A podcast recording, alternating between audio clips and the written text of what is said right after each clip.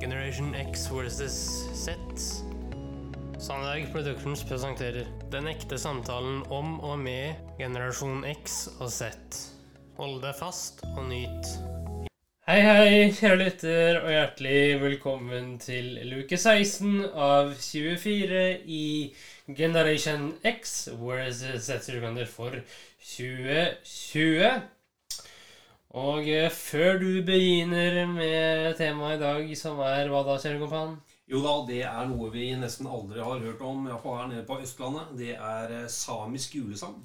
Ok, eh, men før du begynner med det, så vil jeg ta meg den frihet å gjøre en liten mindjog med deg. Ta all den friheten du kan, du, Henrik.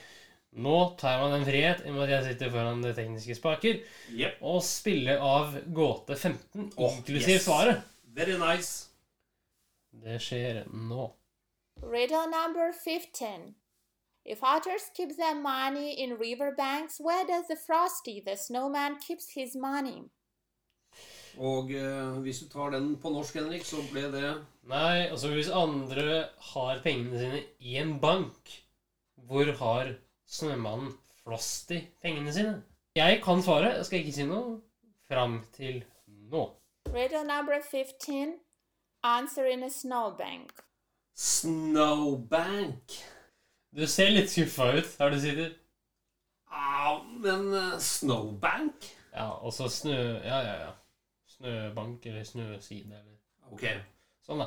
Eh, men før du begynner, Ja. så vil jeg ta gåte 16, altså dagens gåte.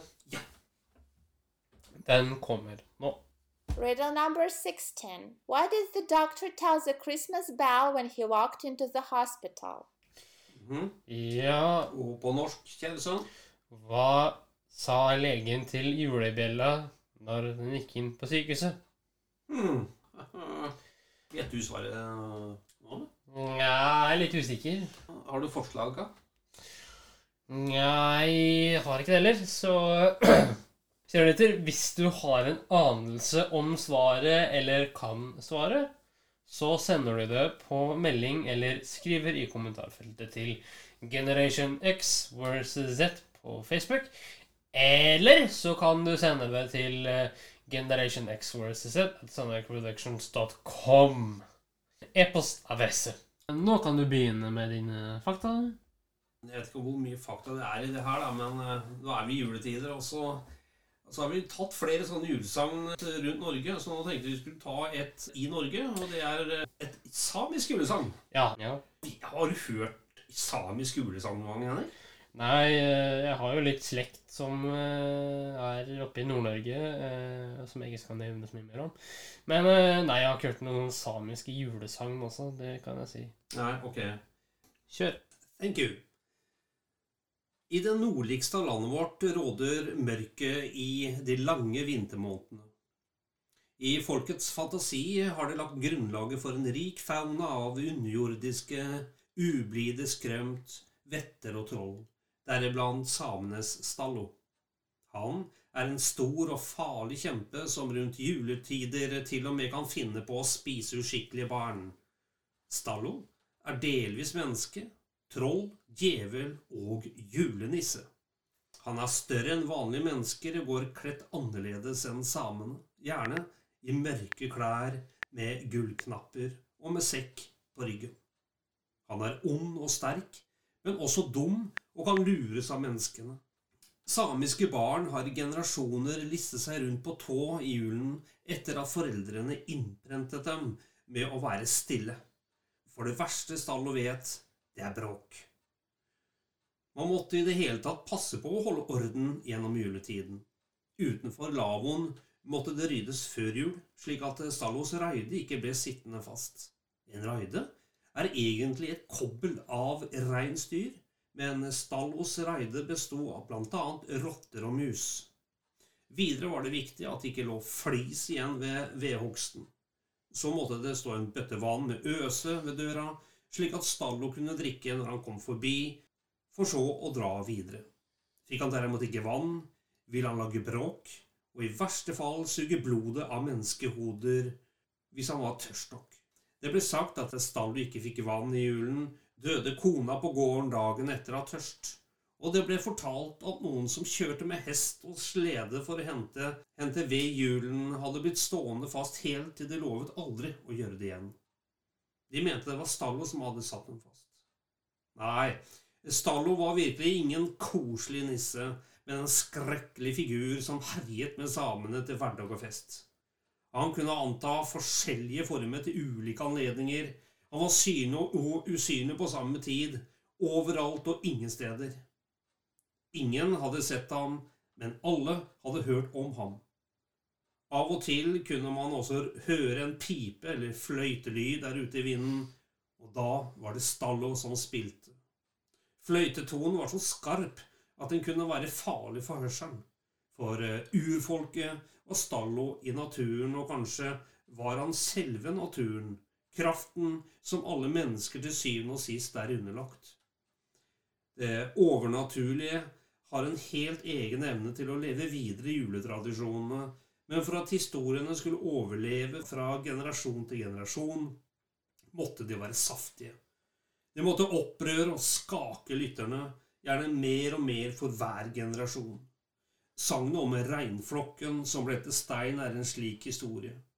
Man kan underveis tenke seg hvordan de har ballet på seg gjennom tidene. Derved er dere alle advart. Oi, det var mye på en gang. Det var mye på en gang. Jeg kom til å tenke på en eh, bok av eh, den kjære og kjente barnebokforfatteren Roald Dahl.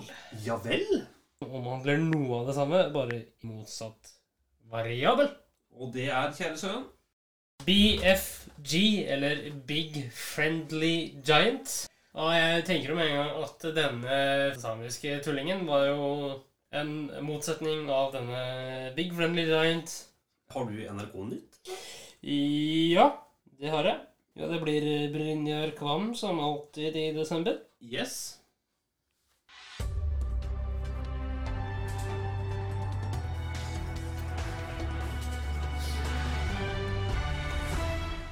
NRK-hjørnet.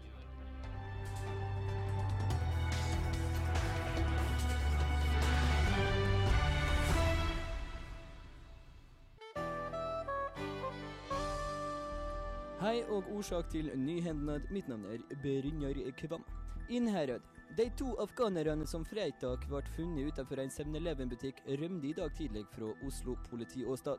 Afghanerne som ble lagd i jern fordi de ikke ville late seg finne, hevda hardnakka at det ikke var savna, og at de bare, og jeg siterer, bare skulle kjøpe litt fullkornbrød til familien. Det er ikke første gangen vi hører den unnavridninga, sier fungerende politileder Gustav Kvam. Å rømje er uavvitende ei straff som vesle, og afghanere lyt lære seg norske sakner og finne regler slik som alle andre, heter det i pressemeldingen fra politiet. Spanerøret fra Oslo og ordensmyndighet ligger nå i busker og krat og venter på at de to afghanerne skal komme hjem til familien sin med fullkornbrøda. Vi håper å ta dem før de entrer husene, slik at vi slipper unødsamvald, eller i verste fall å lytte finne hele familien.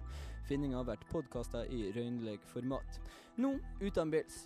Ei eldre dame punkterer i dag sykkelen sin like utenfor Beirut. Hullet ble kjempestort, og flere av byvånere var redde for at hele hjulet var råka. Lykkeligvis fikk hun hjelp, og sykkelen ble lappa på stedet. Dette er andre gangen i år at en sykkel har punktert i Beirut.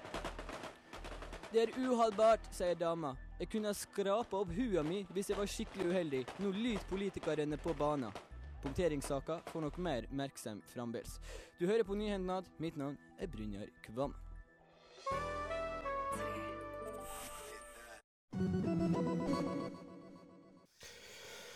Ja, Ja da.